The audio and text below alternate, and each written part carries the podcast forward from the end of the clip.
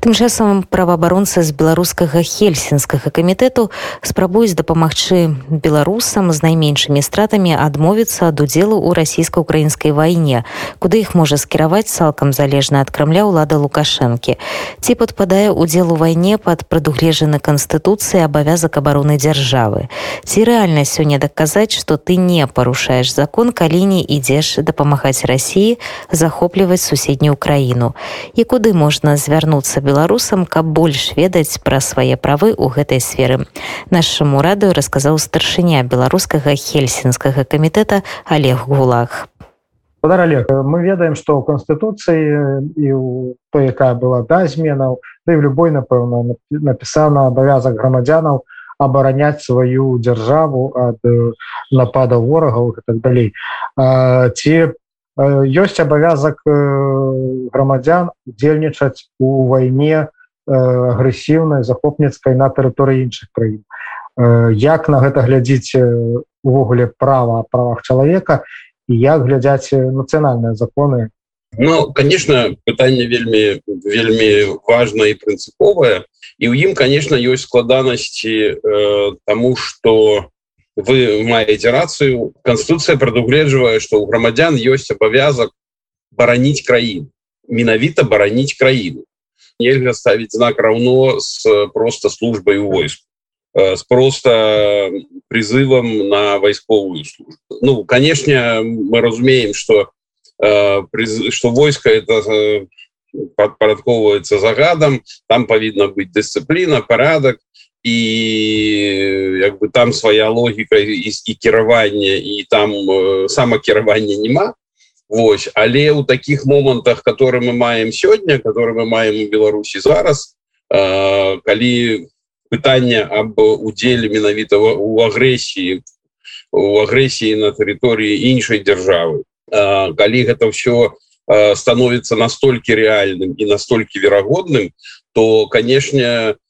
на ўсе гэтыя прававыя канструкцыі трэба паглядзець пункту гледжання менавіта вот гэтай логікі что на грамадзянах Беларусі есть толькі абавязак бараніць краіну а не аўтаматам удзельнічаць ва ўсіх вайсковых аперацый это прынцыповая розніца хотя конечно калі мы почитаем там крымінальны кодекс законам вайсковай службе Э, там процедуры урегуляваны таким чынам что вот гэта логика обороны краіны яна ўжо там не э, не проводится там просто формальные склады злачынства напрыклад там уклонение от призыва вот невыканання загаду. Але тым не менш калі мы говорим об нейкай правовых паводзінах об справядлівасці абсэнсах Э, ну і это значит тое что павінна было б спрацаваць у реальной незалежнай справядлівай судовой сістэме то там гэтая логіка безумоўна улічвалася б і мы і мы ёй можем кіравацца э, калі выпрацоўваем такую прававую пазіцыю. Ну і вось зараз ёсць інфармацыя што юрысты беларускага хельсінскага камітэта могуць кансультаваць беларусаў якія падпадаюць под гэтую хвалю мобілізацыі ці як гэта дзяржаўныя ўлады там абзавуць. Што менавіта можете вы як арганізацыя ваши юрысты параіць людзям рабіць у такой сітуацыі калі іх могуць працягнуць да захопніцкай войны Ну мы зрабілі уже на гэты конт памятку яна доступна для того каб людзі ну могли разобрацца с агульнымі процедурами понятиями у гэтай сферы і тут конечно няма простага як я уже казаў няма простага адказу тому что мы ну вельмі верагодна ці ну, адназначна існуючыя суды сёння будуць прыцягваць да адказнасці людзей которые будуць вот дзейнічаць у такой логіцы которой у которой мы зараз абмяркоўваем Вось і э, ну, мы, мы бачым зараз практыку что э, беларуская там прокуратура напрыклад судов судовых рашэнняў я зараз не узгадаю але вот э, ведаю факты калі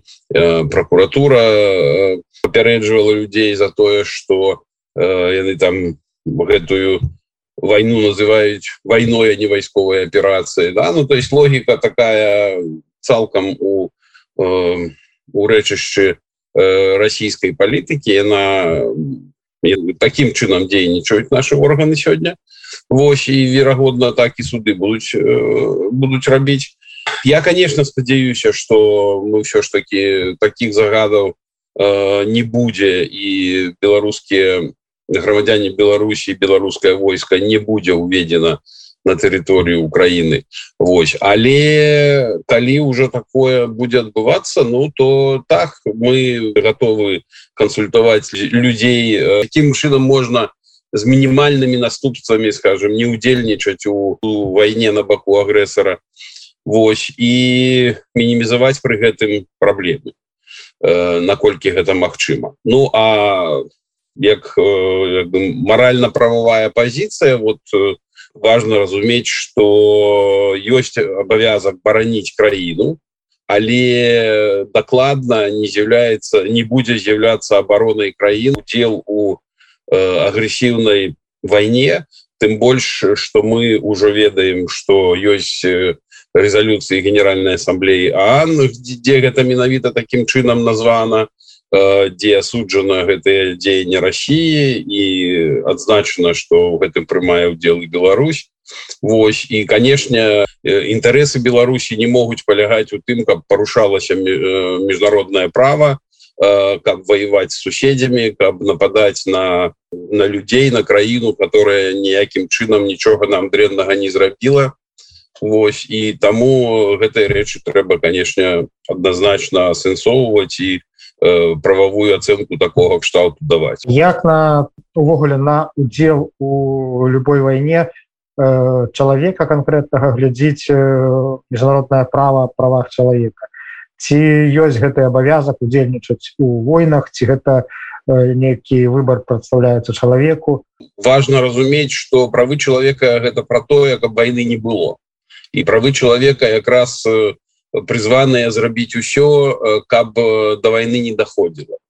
І э, яшчэ раз подкрэсліваю что вот зараз нам гісторыя дае наноў дае такі балючы урок что якраз таки важно каб краіны грамадства режимы народы былі не дэмакратычнымі грунтавались на правах чалавека і гэта найлепшая подстава основа для міру і э, міжнароднай бяспекі Вось. І калі такога няма то пагрозы появляются і вось гэта мы бачым зараз. Калі грамадства реально магло ўплываць на дзяржаву а дзяржава дзяржаўная ўлада залежала ад грамадства то ніякай войны не было. Ні не Россия б гэтага не рабіла э, не беларуская не тэрыторыя не выкарыстоўвалася для для расійскіх войскаў.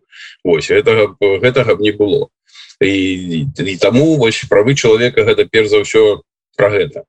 А, калі ўжо пачынаюцца вайна там уже якраз гэта хутчэй вынятка справаў чалавека. Там і там уже працуе міжнароднае гуманітарнае право гэта не права правоў чалавека. Гэта тесно звязаная але гэта логіка войны там ужо у Э, калі ў правах чалавека гвалт непрымальны то падчас войны гвалт дапушчальны там уже прымянение гвалту допускается але на регулюется э, нормами міжнародного гуманітарного права. Можете назвать э, нейкі там не ведаю электронные адрес ці телеграм-канал куды звяртацца можна людям пось гэтыя вось ваши консультации ну, у нас застаецца сайт беларуского хельсинского комитета белхелкором кропка орг ён пашукавікі яго выдаюць. Карыстацца можна. Ёсць і фейки нстаграм все это доступно. Калі ласка будем стараться дапамагаць